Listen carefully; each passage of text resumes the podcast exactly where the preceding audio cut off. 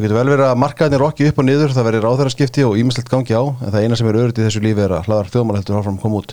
Þeir eru konum tíminn fullur á Reynafólks í Íslandi, Stefán Einar Stefánsson og Hörður Ægjesson. Við ætlum að taka stöðun á markaðnum og pólitíkinu og öllu þau sem að skipti máli. Hlustuðu vel.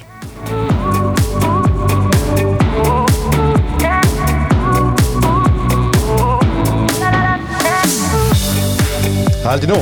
Velkominir. Takk að þið fyrir. Hvað segið þið? Við erum bara með besta móti. Þú er það?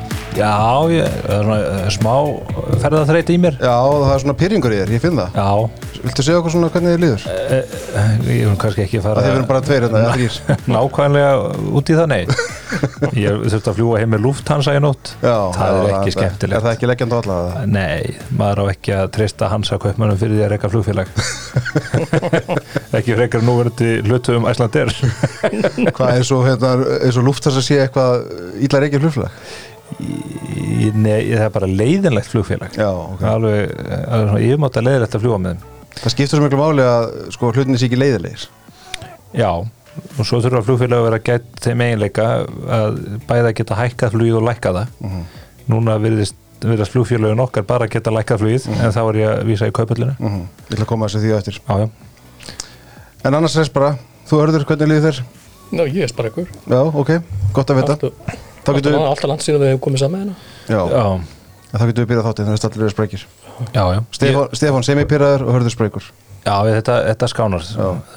Þegar að þegar að hríslast um hann gleðir hrollurinn yfir því að fá að vera með ykkur tveimur hérna.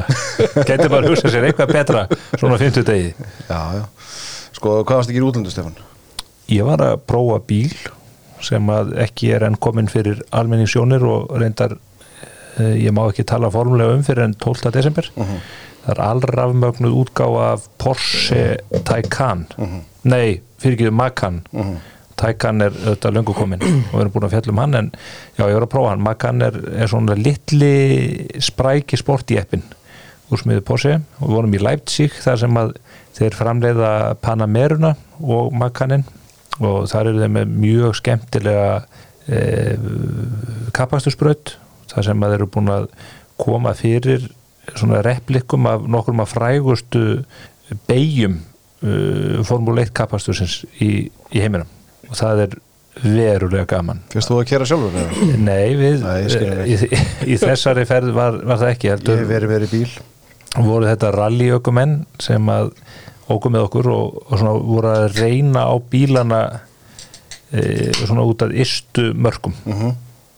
Taka taka krappar beigur og 200 km hraða til dæmis Voru þeir ekki að reyna þig út af Ístumörkum? Jú, svolítið lí, nei, en þessu nú, nú ætlum við að sína hvar mörki líka á bílunum sko Ok. og þeir eru reynda líka með í þessari braut, uh, sko torfæri braut til að prófa jeppan á og það er gamalt æfingarsvæði sem að rúsneski herin uh, var með í notkun uh, framvettir allari uh, framvettir öllu kaldarsliðinu og Já. var sett þar upp held ég 1890 og, og var í notkun eiginlega alveg fram að falli múrsins og, og þeir tóku nú til og, og reynsuðu upp þarna var mikið sprengjubrótum og drasli og, og svona einhverju mengun en Porsche er búið að reynsa þetta upp og gera þetta mjög svona skemmtilegur skemmtilegur brauta sem er hægt að prófa bílana við, við ítur staðstæður, djúbu vatni eh, í miklum bratta, hliðarhalla drullu eh, í, í brekku og öðru slíkum mjög skemmtilegt.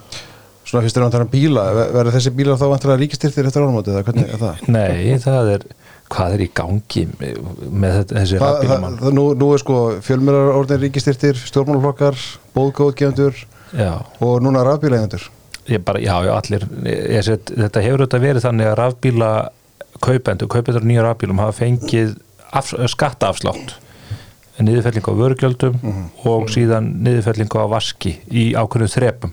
Og nú, Hvað hefur það verið mikið? ég held að það hafi verið svona cirka bát 13 svona, já, svona 14.000 tæpar orðið sem að þú gast fengið að hámarki þú varst að kaupa dýrustu bílana. En, en uh, það var að taka þetta af að því að ríkið telur sig verða af tekjum mm, sem það réttilegi að fá til vegagerðar með þessu kerfi og það var tilkynnt fyrir mörgum mánuðu síðan að þetta er fælt niður um áramót.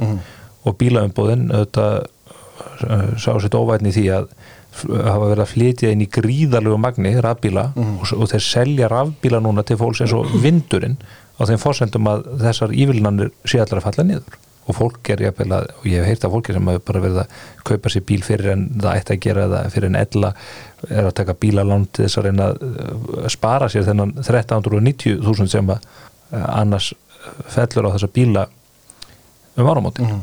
Nei, þá er tilkynnt núna bara svona rétt fyrir áramót að, að, áramót. að orkusjóður hon, honu verður breytt í ennin jólasveinin á vegum ríkisins og fólk geti fengið jólagefina sendar með því að sækja um styrki fyrir rafbílaköpum. Bílinn má ekki kosta meira en 10 miljónir en þá getur þú fengið held ég 900.000 króna niðurfellingu á, á þessum gjöldum.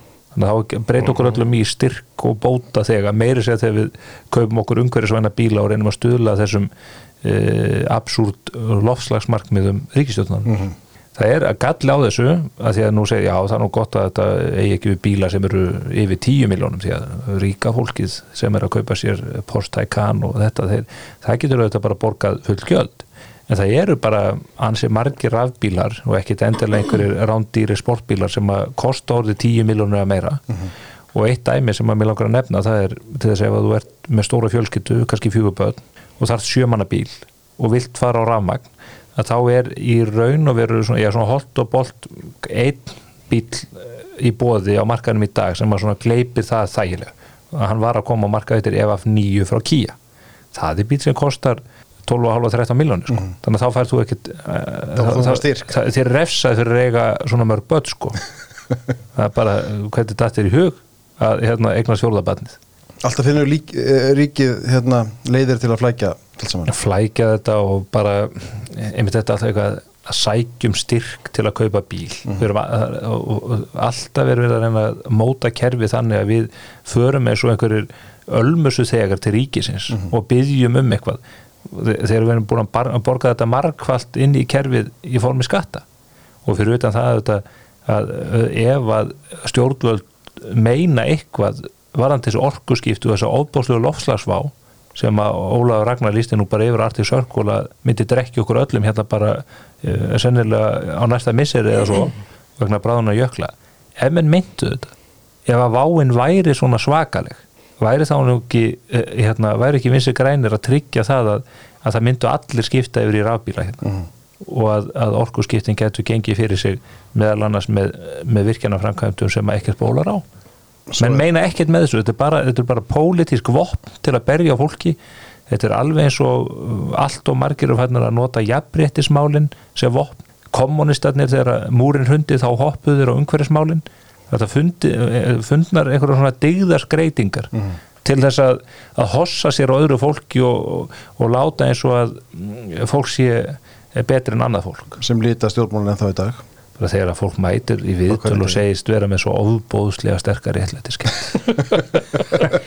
og og bæti sem við að viðkomandi þessi mannréttindalög fyrir einhver annað hver, sunnudagsviðtal í mokka- mokkanum og væri í fréttablaðin líka. Það var fólk með óbóðslega sterkar réttlætiskend og þetta las maður á lögatarsmótni og, og áttaði sig á því hversu vondur maður maður Er var það, er það vantilega þá betra fólk heldur en við þrýr til dæmis? ha, Það er vantilega betra fólk heldur en við þrýr Heyrðu, sko, það er ekki stiksmunur það er eðlismunur Já. á þessu fólki okkur. Egi þegar ég bara ekki að vildapunta og, og þú heldur sunna Mann er þetta lögfræðingur sem ætlar að skila þeim. Já, hún vil skila þið, hún seg, segir það núna allt í hennu eftir að vera búin að ferðast um í mörg ár. Hún verður ekki að vita hversu marga punktu hann á. Þú getur gefið þetta til vildabarna sko með einu smelli held ég á mínu síðum minna æsli sko, Það er að ekki- þú vilt losna við þetta það er ekkert mál. Heyrðu, ég las nú þarna á viðskiptablasveifnum það sem að hún er búin að fljúa á kostnað almennings. Heyrðu, bara kringu jörðin á 70 dögum þakka ykkur fyrir. Ringvarinn Þórhildur Sunna Já, það er roslegt hún er með fleiri flugtíma heldur en með að flugstjóri á félaginu.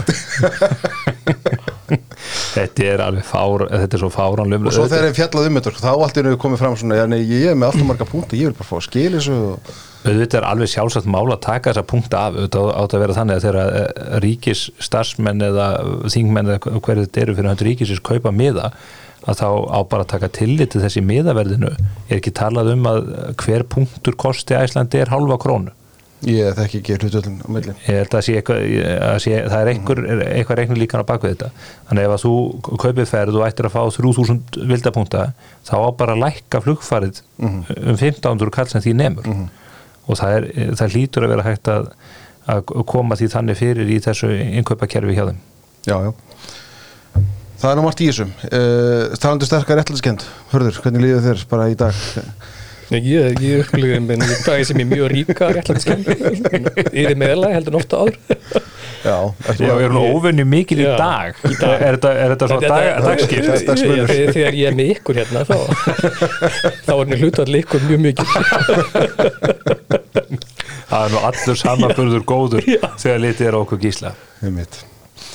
Herðu, það er hérna Við verðum að tala um markaðin ég, ég kom bara hérna til að tala um Og marka hérna, já, og svo bara við klárum það Svo ferð þú og við Stefán klárum þáttinn Hvena var hann náttúrulega lagður niður? Var hann lagður niður þegar fréttablaðið hætti? er þetta ekki, Erum við ekki að tala um hann? Þetta er, náttúrulega, er, er þetta framlag Magnús Harðarsson og kaupallina til að nánu við verbulgu að lækka gengi brjóðan ég varpa bara fram mitt í spurningu Er hlutubaramarkaðin döður? það lifna verðum í dag Sinn, er dálitu upp. Ég held að menn ættu nú ekki að láta blekkjast. Nei, Þetta er búið að vera ótrúlega daburt það verður áfram erfitt næstu mánuði. Uh, háur vextir eru vesti óvinnur hlutabræða fjárfesta og að með, meðan fjárfestar hafa ekki mikla vissu sem er líklega ekki að fara að breyta svo næstunni uh, hvernig verðbólgan er að fara að þróast og þá um leið vextinir þá verður hlutabræða markaði líklega með þessum hætti áfram. Mhm. og síðan þetta erum við með tvö stærstu félagna markaði aðeins på síkasti Marel en þar áður var svona alvartekt aldrei að hristi upp í hlutunum út á óvissinu þar Mhm. en síðan þetta Marel ég, þú veist, allt einhvern hefur snúist um Marel undanfanna daga og vikur Jafnvel mánuði stundum. mánuði, já, og hann að, Er ekki hlutabrið verið búið að lækka um næstu í 500 miljardar? jú, tæpilega það er fyrir, það búið að þurkast út já, tæpilega tveir þriðju af markastunni frá toppi 1. september 21 Gengið komið undir 350 Ég menna að ég var nú bara eitthvað að reyna að rýna í þetta fyrir þáttin það, það sem þetta búið að gera síðustu vikur og jafnlega mánuði, mánuði og hefur valdið að stórluta hversu mikið gengið er lækka það virðist vera endalust frambúð af brefum hjá erlendum sjóðum sem er verið að selja. Og það má að hæglega segja að erlendu sjóður hafi selt líklega frá áramótum fyrir 10 miljardar í Marel. Og Er það áhlaup?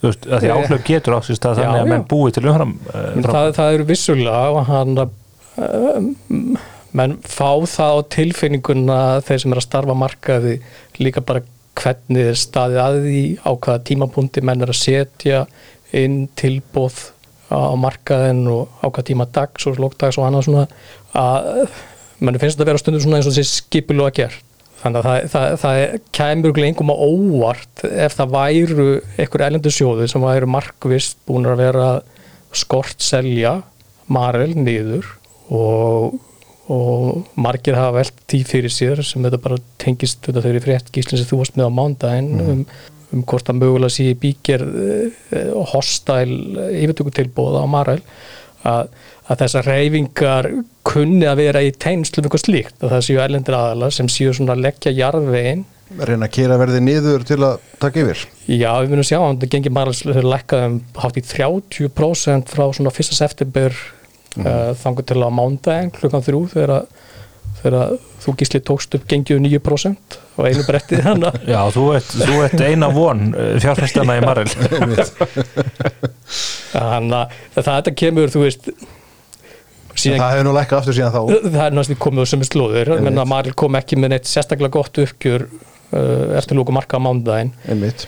Uh, þótt að séu svona sömur hluti sem er alveg jákvæðir þú veist það er kostnaðar grunnurinn að lekka hjá þeim og hann að þeir eru loksins byrjaðar eins og maður hefur þekkt fyrir svona sögulega, séð að vera svona að með alveg massíft jákvæð sjóðstrimi í hvernig fjórðungi ákveðu svona kasma sín að því að menn eru líka farin að byrja að draga aðeins úr fjárfestingu innviðum og, og einhver leiti R&D í, í félaginu eftir mikla fjárfestingar og, hann, og þeir þurfa að gera það vegna þess að félagi er talsveit skuldsettara heldur en þeir höfðu lagt upp með fyrir nokkru missuru síðan eftir kaupin á vengar uh, og það er ekki gott að vera mjög skuldsett fyrirtæki á þessum tímum í háu vakstast í allstar í heiminum og það sem kúnanir, helstu kúna Marels eru líka sögulega séð það er að vera kúna sem er reyða sig á Marel reyða sig á kúna sem er að fjárfesta mikið og allir eru að draga fjárfestingu.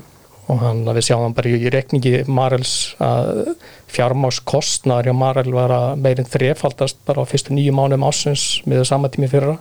Þetta verður að borga vel á 15-20 miljónu evra í, í, í fjármáksgjöld mm -hmm. með við 12 miljónu evra á sama tími fyrra. Það rýfur í. En ég myndi ég held að flestir tæki undir að, að svona þróunun í, í rekstri Marels þóttu hún sé búin að valda þetta vombruðum uh, uppgjörun uh, mörg hver síðustu þá finnst mannum þróunun á hlutabæriamarkaði kannski ekki endilega réttlega þess að gríðurlækkanir. Þess vegna spurja mennsi er ykkur aðri kraftar að verki? Og maður ekki glemja að félagi var þetta rosalega yfirverlegt í, í COVID sko. Já, já. Og hann og svo þetta er bara sem við komum inn á áður að þú ert með Eiri Invest langsamlega stærsta eiganda félagsins með tefla 25% og, og þú veist hvort sem það sé rétt eða ránt þá upplifa fjárfæstar það að það, það félag kunna verið í fjárháslega veikri stöðu mm -hmm. og það er ekkit mál fyrir hvert sem er að skoða bara síðasta ásending Eiris og skoða og það er bara ein egg þar á bakki það er hluturinn í Marel og, mm -hmm.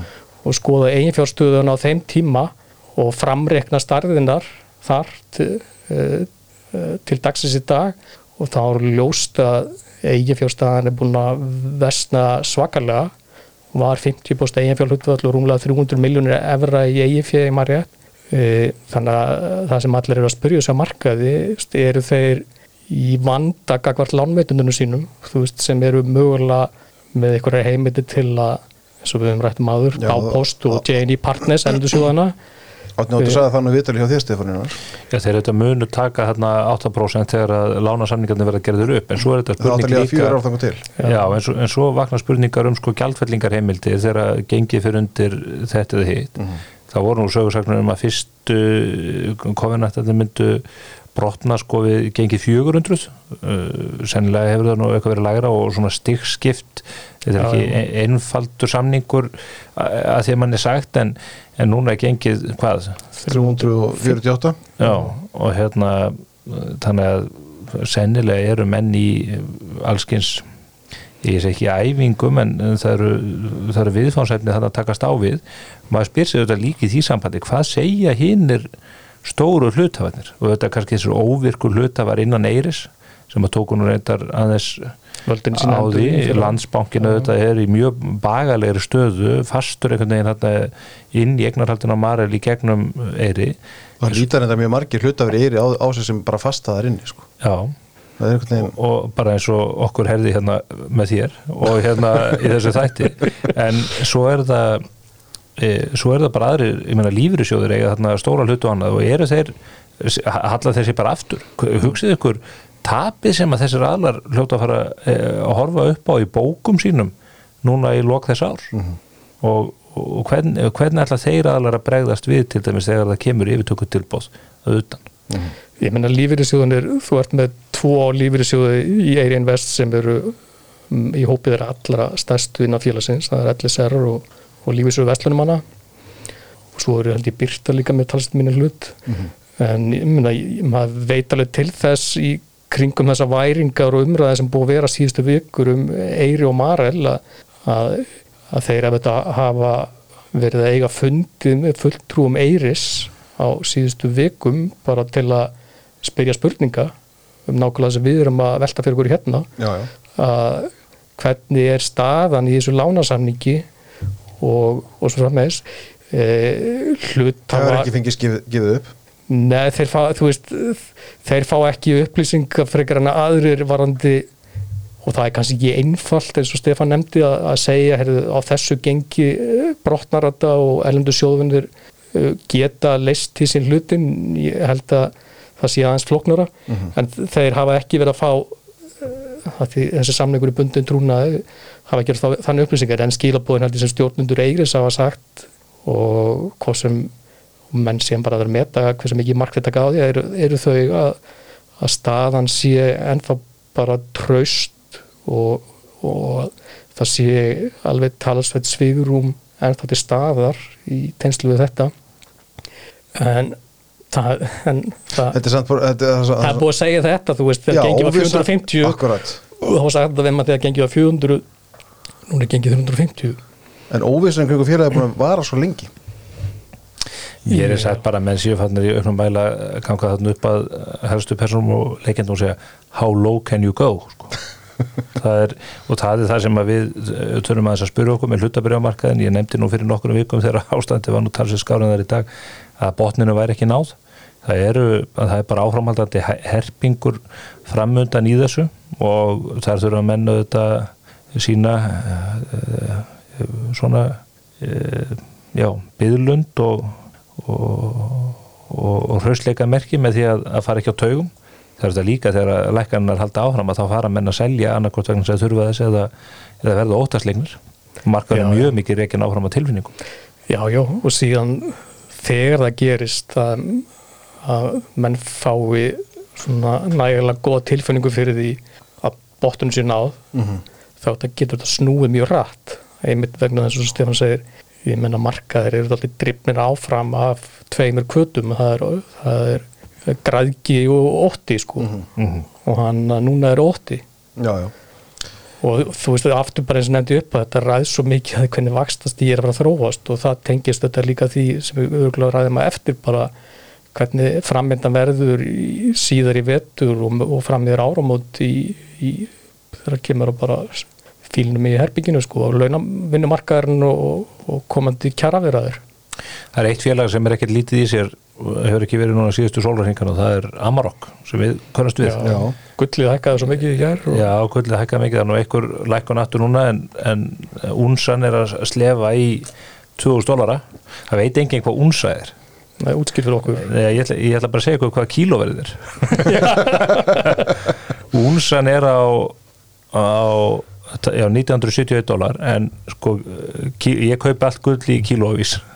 Og það er á 63.400 dólar Erstu með þetta í gardinu bara heima? Eða? Nei, ég er bara með þetta á kveitinu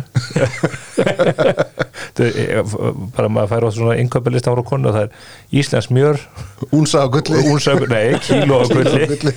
Maður kaupir þetta í fjallakaupum Ég meina þið, þið hafið farið við höfum allir farið eitthvað í Volmart í bandarækjunum það getur maður kett gull Býtu, ef þú ferði í ferð með landsmákanu þá borðar, borðar þú gull. Nei, nei, fyrir ekki, það verið gamla landsmákanu Já, sko, annað félag sem að tökum bara svo Æslandir, sem skila bara hérna bara fínu uppgeri, hvað síðast að 50 dag Það var yfirvæntingum greinunda Yfirvæntingum greinunda og, og, og, og hlutabrið verið lekkað ennþá og maður spyr bara, hvað þarf til að hækka hlutabrið í svona félagi, sko? Bói Níl sem ætti að gengi frá uppgjörunu með fjármálastjórnum og þú veist bara, yes, núna verður núna Geng. kemur hérna röss á þetta sko. gengir auku upp alveg um 5-6% yfir daginn mm -hmm. en endaði þessin í, í nulli mm -hmm. gengir 1,42 núna mm -hmm. en það er búið að hækka í dag já, já. Nei, nei, en samt, þú veist, það er engin bilb, ég menna, þú veist, það er samt En það gengir á Íslandir er búið að lækka sko um 35% á sístu þrjum mánum Þeir eru búin að, já, sko uh, Íslandi er, er búið að lækka á einu ári 50% um, 25% mm -hmm. uh, Play er búið að lækka á sama tíðanbili um 47% mm -hmm. Æslandið fór í 2,3 í júli Já, Já. Síðan, síðan þá er það einmitt búið að lækka um það 35% cirka bót. Þetta er, þetta, er ekki, þetta, þetta er ekki rekstrar tengd Það er mál, það er, það er að sér að velta upp sko, þetta er þetta líka óvissumál. Það hjálpar auðvitað ekki félagum sem eru mjög uh, háð Eh, eldsneiti þegar það brýst út stríð í miðausturlöndum sko. mm. og allir brjálæðingarnir sem eru í oljuframlæslunni eru, eru upp á háa síðinu og, og, og upp á gogg sko. mm. þannig að það eitt hefur áhrif slíka óvis hefur þetta líka áhrif á uh, svona ferðatilneiku fólks mm. en það rættu þetta Ísland að að leika líkil hluti þú... Já, ég var náttúrulega í bandregjónum síðustu helgi og þá talaði maður um nokkra kannar þar sem að hérna þú veist, maður mað veit að þá skipta löndur svo Ísland máli sko, þegar að fólk vil fara til örugra áfangastada til dæmis mhm. -huh. þú veist, þannig að Íslandi er og, og, og bara Ísland sem áfangastadur ætti náttúrulega að, að svona já, ég var að segja hagnast á því, einhver liti Við þurfum bara að tryggja það að þetta fólk frétti ekki að við séum með algjörlega ofin landamæri engar valdheimildir hjá lauruglu til að bregðast við skiplaður kleppastasemi og fullt að brjáluðu fólki sem að farið að ganga um götur borgarinnar með skildi til stuðnis uh, Hamas og ke keira um á bílum og flauta og já, fagna og þegar að- yfirlýsingum um að uh, þau muni berjast. We will fight. Já, nei, við sleppum bara að minnast á það. Já, já, það er Þannig að er eitthvað meira að markaði? Mm, Nei, það, ég, það er svo sem að auðvitað að tala um fleiri skemmtileg félög Já, ég meina festi var að skilja uppgjöri í gær. Það er nú stundu talað um svona þessa hagnaðadrifnu verðbólgu sem að hugtak sem að hefur stundu verið notað hér í umræðinni ekki hér inni heldur annar staðar. Maður sér þau uppgjöri festi rétt eins og var með haga fyrir ekki löngu síðan að- sem var líka svona var bæting að milli ára. Og það var svona drifið áfram af eldsneitislutunum í báðum þessum félögum. Og þetta, þetta eru svona tímabil á árina sem túristin kemur sterkur inn þar en þegar maður lítur á krón, krónuna sem er þetta næst testa maturuveslu landsins undir hatti festis e, það var framleiðin svona standa eiginlega í stað. Það var bara einhver 0,04% stig hækkunum milli ára. Uh, af því að það er mikið verið að þjarma á maturuveslinum að hún sé partur af einhverju vanda hérna í að drífa áfram verðbólgu. Maður sér það alls ekki staðið þessu uppkjörum og að segja maður er eiginlega bara hissað hvað þetta er mikil auðra business satt best að segja þegar maður skoða svona risa maturukæði eins og krónuna uh, þeir besti í svona, hvað var þetta veldu uh, stæsti fjórðungur í sögu krónunar uh, núna sem var að líða til ífjörðungur við veldu upp á held í 15-16 miljardar bottom line hagnaður er náðu ekki 600 miljónum EBIT framleiðin var 4,1% og EBITDA framleiðin var 7,9% það má ekkert út að breyða þetta er afskaplega, þetta er ekki mikið. En af hverju hafa Þorgerur Katrín og Hanna Katrín Freyrsson svona ofbóslega mikið hortni síðu þessara maturkeðju það tala ekki um annan að leggja niður krónuna. Eða, það er annan mál annan mál að markaði sem að við þurfum að, sem að við vorum að tala hérna um eh, fyrir í dag áður við kveiktum á mækunum. Það er auðvitað þessi óvænt, óvænta já, sala í hampiðunni sem að normennir hann já, mörunott hlutafarnir já, þeir selja þarna uh, hlut fyrir rúma 3 miljardar 3,6 miljardar og já, tæpa fjóra. Já, og og fyrir nákvæm tölum. Já, sagðvægt gengið dagsins. Og þeir gera það með verulegum afslætti ég var ekki, þetta var tæpilega 9% afslutur, þeir fara í beita svo gullari aðferð sem er núna búið að lýsa yfir hérna í Íslandi að megi aldrei aftur í, í komandi framtíð beita að raða tilbóðsfyrirkomulag sem mm. Það verið svona einbeittur ásetningur hjá stjórnvöldum og samfélagin að, að þegar það verið staðið á sögulega á skráðan hlutubröðum þá viljum við fá minna frekar en meira fyrir breyfin en gott og vel að það sé orðin einhvern svona samfélagsáttmæli í Íslandi. Uh, þeir seldu með 9% afslætti þess eldu með þessari aðferð. Og þetta er þetta bölksala, það er þess að gefa menn Já, afslátt já, þeir, þeir áttu hana fyrir söguluna að tæpla 7% hlut í hampiðinu sem er eignust þegar hampið hann kefti mörunöld sem gekk í gegn bara í byrjun februar og þessir aðilar voru uh, bundnir sögulubann í 6 mánu og hafa mátt selja hlutina sína frá með í byrjun ágúst. Og fara í þessa sölu yfir helgina og tilkynntum þetta fyrir opnum marka á mánudaginn. Og með þessum, já, þessum uh, mjög rífilega afslætti uh, og afslætturinn í Íslandsbanka útbúðinu fræga mass var hvað rétt rífilega 4% eh, þar var um að sölu upp á 53 miljardar uh, veldu svo jafngildi held ég samalæri veldu Íslandsbanka upp á 365 daga. Mhm. uh, ekkert slíkt uh, slíka tölur eiga ekki við þessu. Þetta er miklu minni hlutur í því samengi og það er alveg, er alveg hægt að færa rauk fyrir að það ætti að vera minni afsláttur heldur meiri. Ríkisendurskoðun og heimildin og Björnlefi og allt þetta lið hlýtur að vera alveg bara andaka, þau get ekki heilu sér tekið, auðmikið normennindir það er ekki hægt að, ég, ég segi bara svo Hver fór svo ítla með þá? svo Þorvaldur Gilvarsson sagði um söluferðlu á Íslandsbanka, er ekki hægt að rifta þessum kaupum? Og, og, og það vaknaði upp svo spurning að hann uh, ef þetta lið sem hann uh, þykist kunna að selja hlutabrif stóra hluti í skráðan félagum sé sangvæmt sjálfur sér, þetta er bara kall eftir að ríki myndi kaupa tilbaka uh, þá hluti sem er seldu á þeirra mati á þessu gríðalega undirverði mm. -hmm. það gengi breyf Íslandsbanka fór út undir 100 núna á hvaða mándaginn fyrir hverja þriðdaginn uh, þannig að það er ljóst að þeir sem kefti því útbóð og halda en þá á brefunum sérstaklega þeir sem fóru gýraðar inn hana uh, sitja í sárum í dag. Já, ef ef að ríkið myndi kaupa hlutin í Íslandsbanka tilbaka núna, það myndi ríkið græða sko, seldur að það er að verði já, já. Ég væri til að sjá Ásker Brynjar Torfason útskýra þessa sölu normannina í hampiðinu fyrir vinum sínum í útlandum og ef honum tekst það ekki að þá gerum við bara eins og Sigur Hannesson laði til að við fáum bara eitthvað það. En pælið í þess að þetta er svo óstjórnlega tögunum eins og umræðum í Íslandsbanka þetta er heimskulasta umræði sem nokkur á sér staðan í Íslandi allt í kringum að útbóð og er nú og þreytist bara ekki á því sko Er nú að, það, að þetta lið sem við alla. gaggrinda það, það er búið að búa til þá narratífi þetta í Íslandi að þessi sala hafi verið eitt stór klúður frá aðtilu mm Mhm.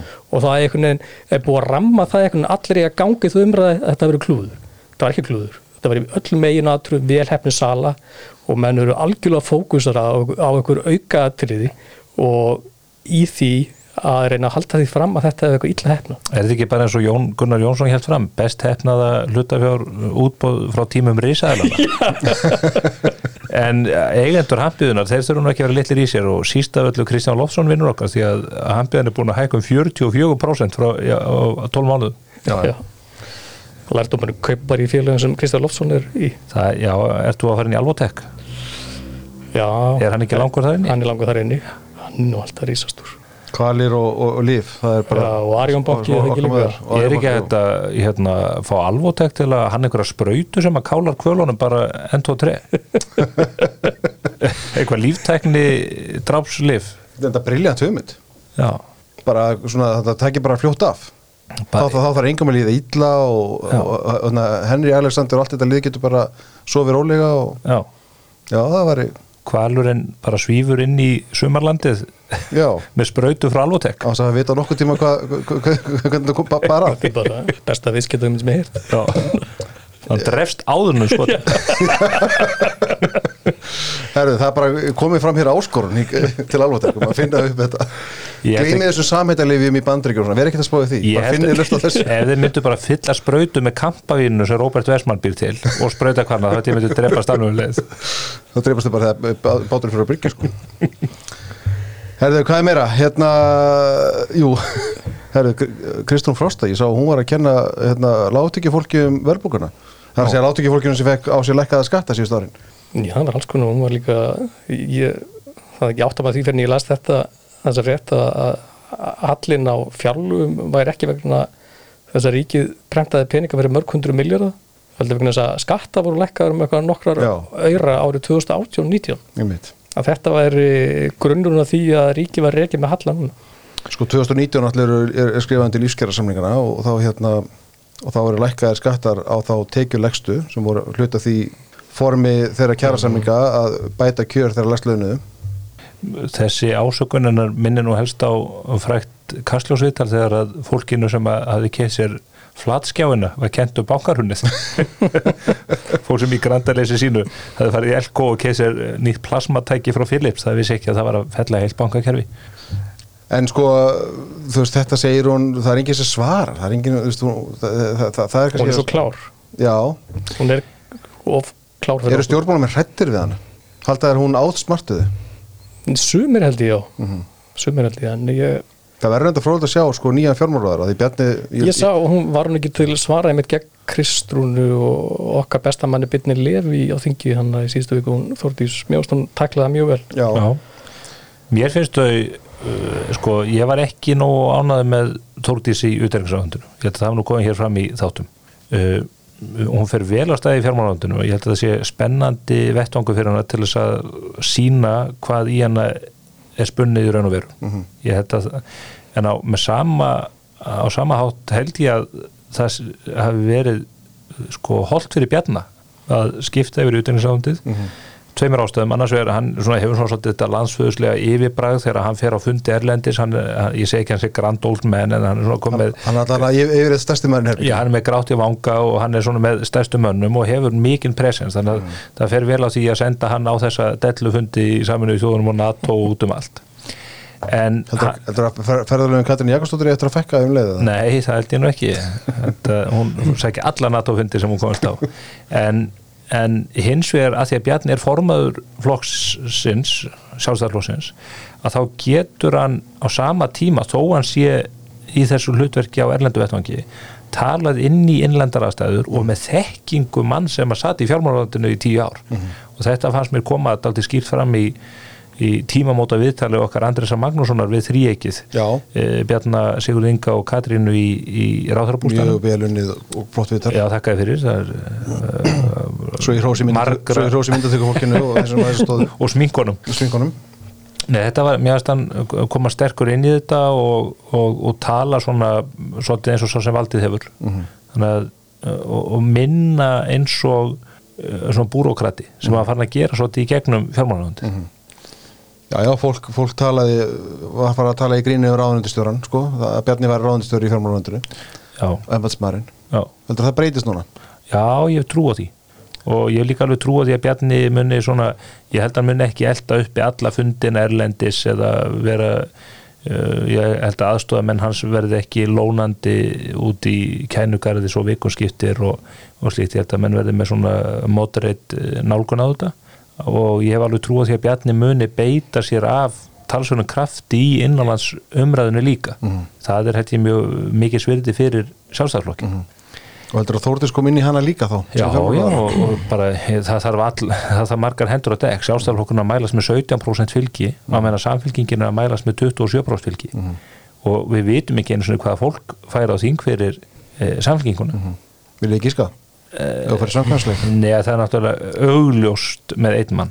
Við, þetta, Jóhann Páll og Kristrún verða svona fóristu fólki þarna en algjörlega augljóst að Þóruður Snær Júliusson fyrir frambóð og ég held að Ásker Brynjar Torfarsson fari í fari sömu leið. Fyrir er, er, er hann ekki selabankastjóri Ný- efni, efni samfélginu? Nei, ég held að hann fari í, í fram, ég held að hann nenni ekki að býða fimm ára enn sko. Hann er nýkomið vinnu. Já, já, en um, svo er hérna svo ja, er, þetta er svona dæmi sem ég nefni og, og, og, og það er alltaf líka þegar fylgið verður svona rosalegt þá bara fá allir klíu í augun og allir sér bara að komast inn á þing og hérna það held ég að verði Já, já. e, verði allir meinið Heldur að Sonja Ír sé á leiðinni í frambóð fyrir samfélginguna? Þorbergsdóttir, Já, vonandi forma BSRB. vonandi Já, það verður frólægt að sjá þetta. Ég vona allt þetta fólk væri frambóð fyrir samkinguna og Guðmundur Þórótsson, eða hvað heitir hann?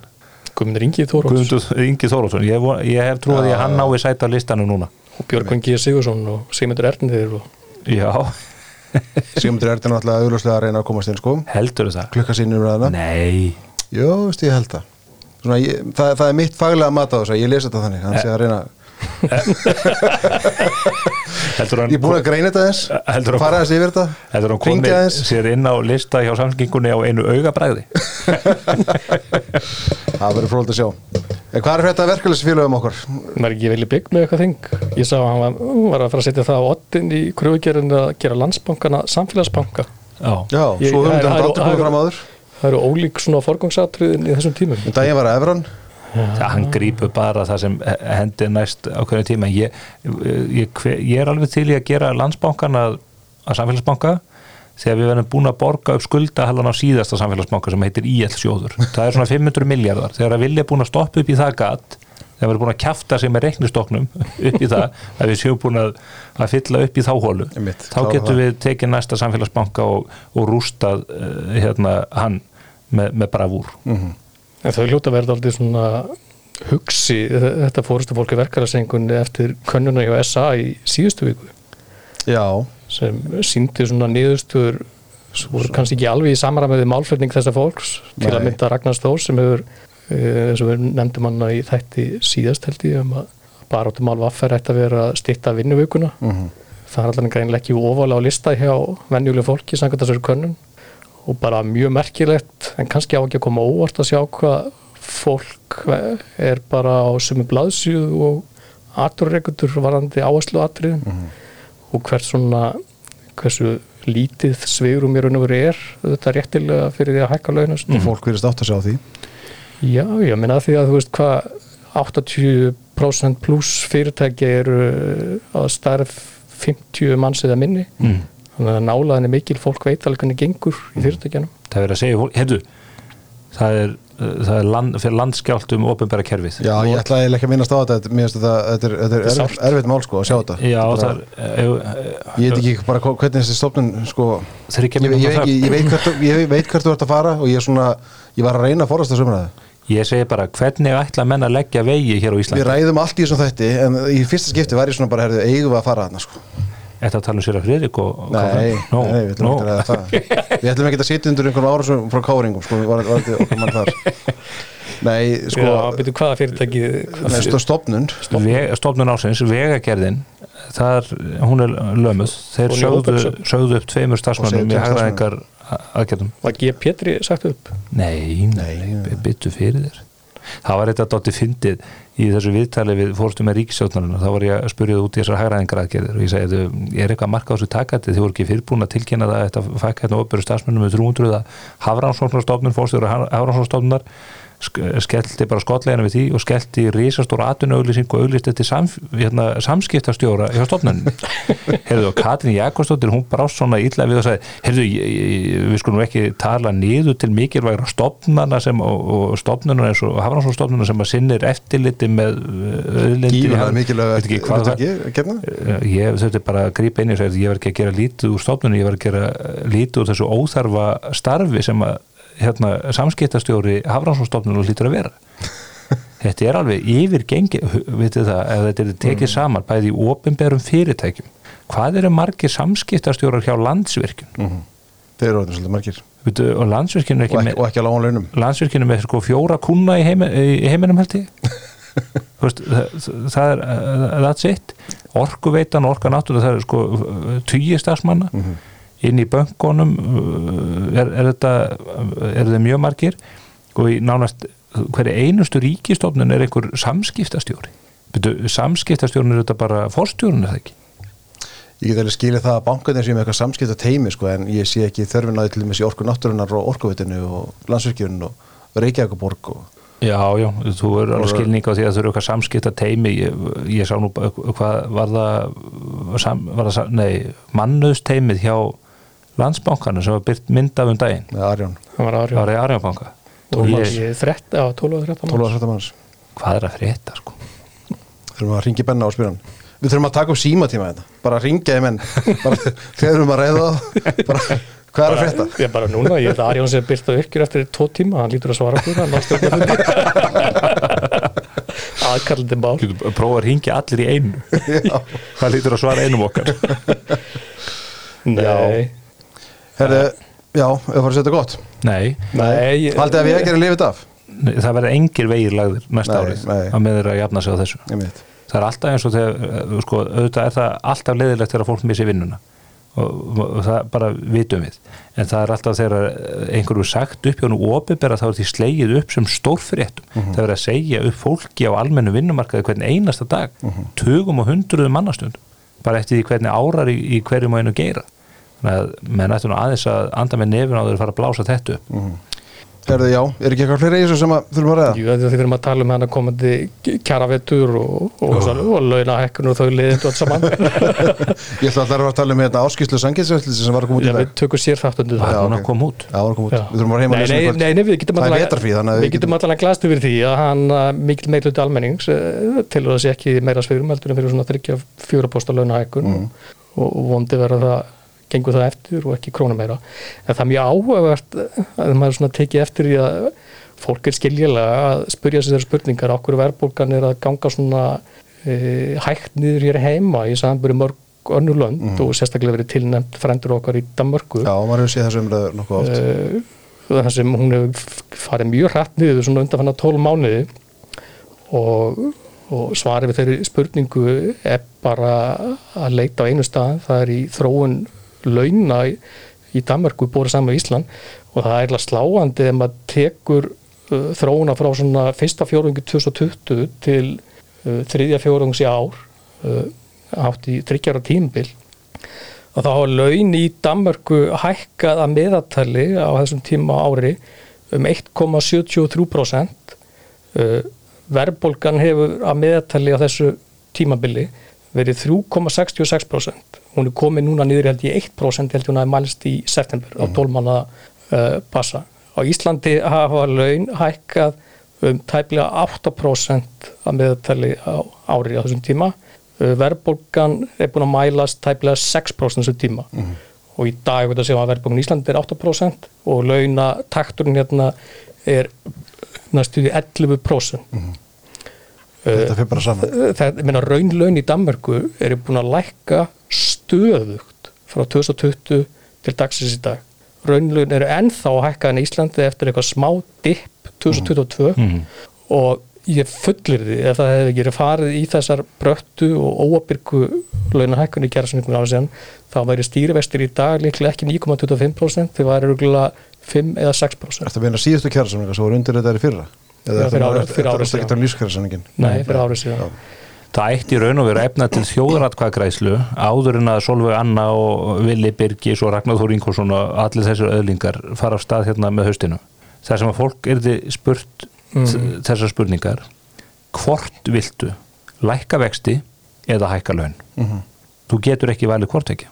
Þetta er valið í dag Þetta er hérna þe- það er bara ekki hægt að, að samrýma þetta tvent og það verður bara að berja þessu og almenningur verður átt að segja þessu og almenningur verður að setja þrýsting á þessa populista fólk sem að gengst upp í því að fá aðtegli og, og belgja sig út með allskins orðskrúði um uh, réttlæti sparáttun og hitt og þetta.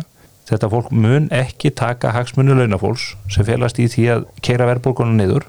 Þau munu alltaf taka leiðina þar sem þau geta uh, slegið sér á lær og sagt við hækkuðu launum 8%, 9%, 11% eða hvað það er og það á líka við um ofinbæra markaðin og þetta endalösa rögl sem að við heyrum frá BSRB og BHM í, í þessa veru.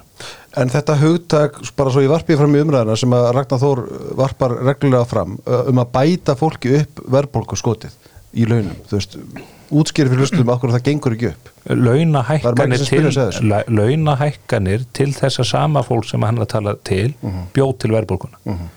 Meðalið við því er ekki að kynda undir verðbólkuna en frekar. Mhm. Það verður að ná jafnvægi í kerfinu alveg eins og menn verða að ná jafnvægi á fastegnamarkaðan Mhm. og það verður ekki gert alltaf með því að knýja áfram sko, hliðina sem að, að, að það sem skorturum var sko. og, og ég, ég hef bara eins og þessar kannanir sem að menna að verða byrta núna, það er bara benda til þess að fólk náu þessu almenningur veit sínu viti fólk er ekki fíbl eins og forsvarsmenn oljufélagana heldur fram hér um árið í, í tölvupóstum sína milli í verðsamræðinu fræga Og Hvað vill fólk meira eiginlega? Það er mikið oft rætt um að hafa að draga eitthvað lærdum af fjármálaruninu og því áfalli sem vorum á og hafi ekki hlustað á varnaróð sem koma þeim tíma gagvart einhverju svona hættu svo uppseglingu. Nú komur Sæðlabankin í ríti sínu um, um, um svona greiðsljöfni þjóðabúsins fyrir ykkur síðan og segir fullum fyrir þar að helsta áhættan fyrir þjóðabúið, fyrir ytri stöðu þjóðabúsins sem skiptir sköpum fyrir lítið opið hagkerfi með sinn eigin mynd segir það, helsta hættan er mikil hækkun launakostnar að það geti valdið því að það verði meiri verðbolga, meiri viðskiptahalli og gengisleikun á krónunar þetta býtir spíral, þetta er helsta hættan sem stafar af íslensku þjóðabúi En slagurinn lítur samt að snúast um það að hætta að tala þannig eins og þessi orðað eins og þú ert að varpa fram hér og þið báðir sé einhver árás á launafólk.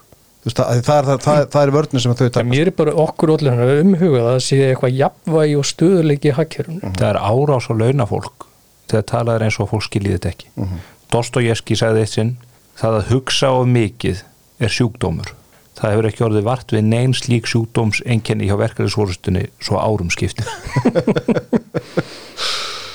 Herðu með þeim orðum þá skulum við aðeins hérna við skulum aðeins geta okkur á kaffihús? Já ok, wow, fá okkur hérna ég held bara að þetta kem aldrei. fá okkur hérna eitt góðan latti þú drekkur ekki latti, þú far alltaf eitthvað amerikano nei, já, ég fæ mér amerikano eða flat white. Já, já, já, hinn ástrálska mjölkurdrykk setjast á te og kaffi. Ég ætla ekki að hins að spyrja okkur hann í núna. Ég ætla að ræða viðbjörn sem við erum að fara að halda saman já, Já, í nóvember. Í samstarfi blöss það, það Það að vera að vera óvænt Stefán. ó, ó, það verður hluta jóladagatalinu á blöss það í að- að hluta velunum ættum við að taka eintum var upp þátt þar? Heldur að gerði myndi lega okkur Já, er það ekki? Við hörður fórum nú þar á, á bókakynningu einu sinni. Já, já, hjá henni Áslögu Kristjánsdóttur. Já, það var, það var uh, áhugavert áðurinni kemur því sem ég ætla að ræða frábæra bók, lífið í kynlíf svo auðvitsum bókina. Já, allir að kaupa hana. Sko, hérna Gerður í blöss, hún situr núna undir hvað 200 skona sekt frá neytindastofu Já, fyrir að hafa Hvað, hvað, er- er að? Heru, hún var að setja húsið sitt á sölu og hún hefur, sko, sumir eru með stittur frá Royal Copenhagen upp, upp í hillujósir og hún var auðvitað bara með, með vörur sem hún er sjálf að selja og þetta var talin, hvað er þetta, óheilbriðir viðskiptahættir? Já, þetta var svona, já, var sérst að blekja þá hérna eh, blekja neytendur eða hvað, ég veit ekki hvernig Þvílík og önnur, þvæla.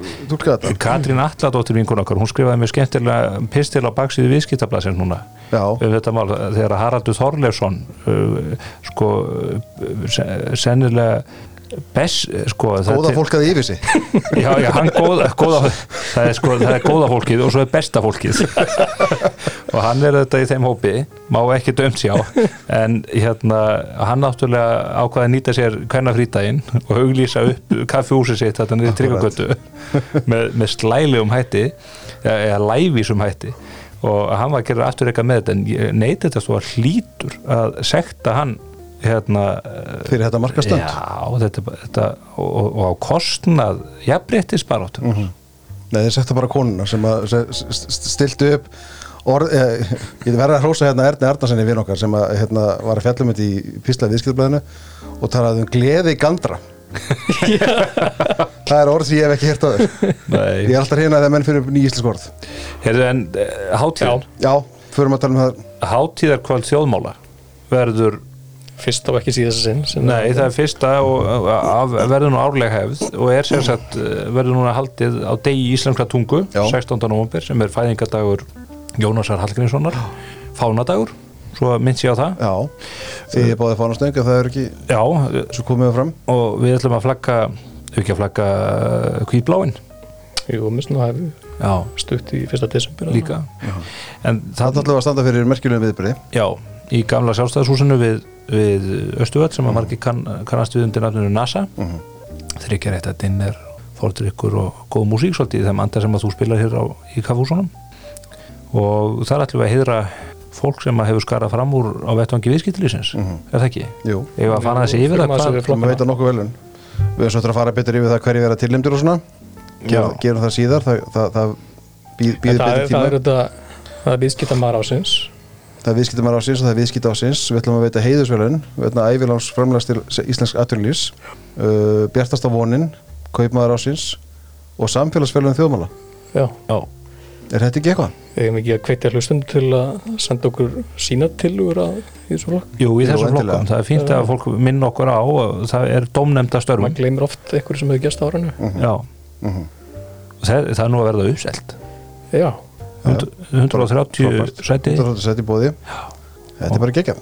ég held að Við munum segja betur á þessu, þessu þegar hann er dregur og hérna fara betur yfir þetta. Þetta verður mjög já spennandi. þegar við erum tilbúin með svona tilnefningur öllum flokkum, þá munum við fara við það Já, það verða þrýr tilnefndir í hverjum flokki fyrir utan uh, Heiðursverðlaunin. heiðusverlunin þau eru ákvörnum þau er tekin í mjög þröngum hópi fólks Mhm. uh, það fólk er allt hér í þessu herbyggi núna svo Allir fjórir. já, og svo munum já, þetta, verður, svo munum við þetta fara yfir þennan viðburð að hún er loknum Mhm. fyrir þá sem að vera svo óhefnir að ná ekki með það þeir, þeir geta uh, vantarlega hlustað á svona samantekt um kvöldið uh, strax 17. november Mhm. er það ekki, verður þú farið norður gísli?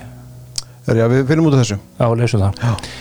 16. november Ég er að fara fótballtamót fyrir norðan. Já, já, daginn eftir Hérna rétt í lokin, það var spurning og sal sem við erum eiginlega búin að svara en ég ætla bara að því að ég kann að meta það þegar hlustundur senda okkur skilabóð og hérna hvort sem það er getum spottið síðuna eða bara í skilabóðum beint að þá vil ég endilega hérna gefa því sviðrum en, en við erum eiginlega búin að svara spurningunni óvart.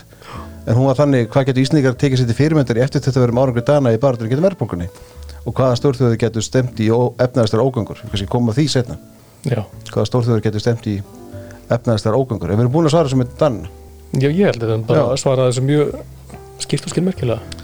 Þannig að var þetta það, það stórþjóðnar er greinilegt að við hlustum á þjóðuna og þjóðun hlustur okkur. Maður hefur auðvitað áhyggjur af þjóðverjum.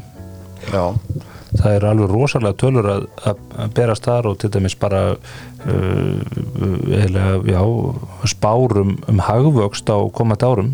Það lítur mjög illa út hjá þeim og mikið áhugjefni svo er þetta vonandi að það náist einhver árangur í að loka þessari deilu þarna í Úkræðinu ég kíkti þarna á ringból Norðurslóða Arctic Circle og þar kom aðmiráll frá NATO Bauer, Admiral Bauer frá uh, hérna Hollandi og flutti fyrirlestur. Heyrðu, hann var að útskýra því að það var sláandi.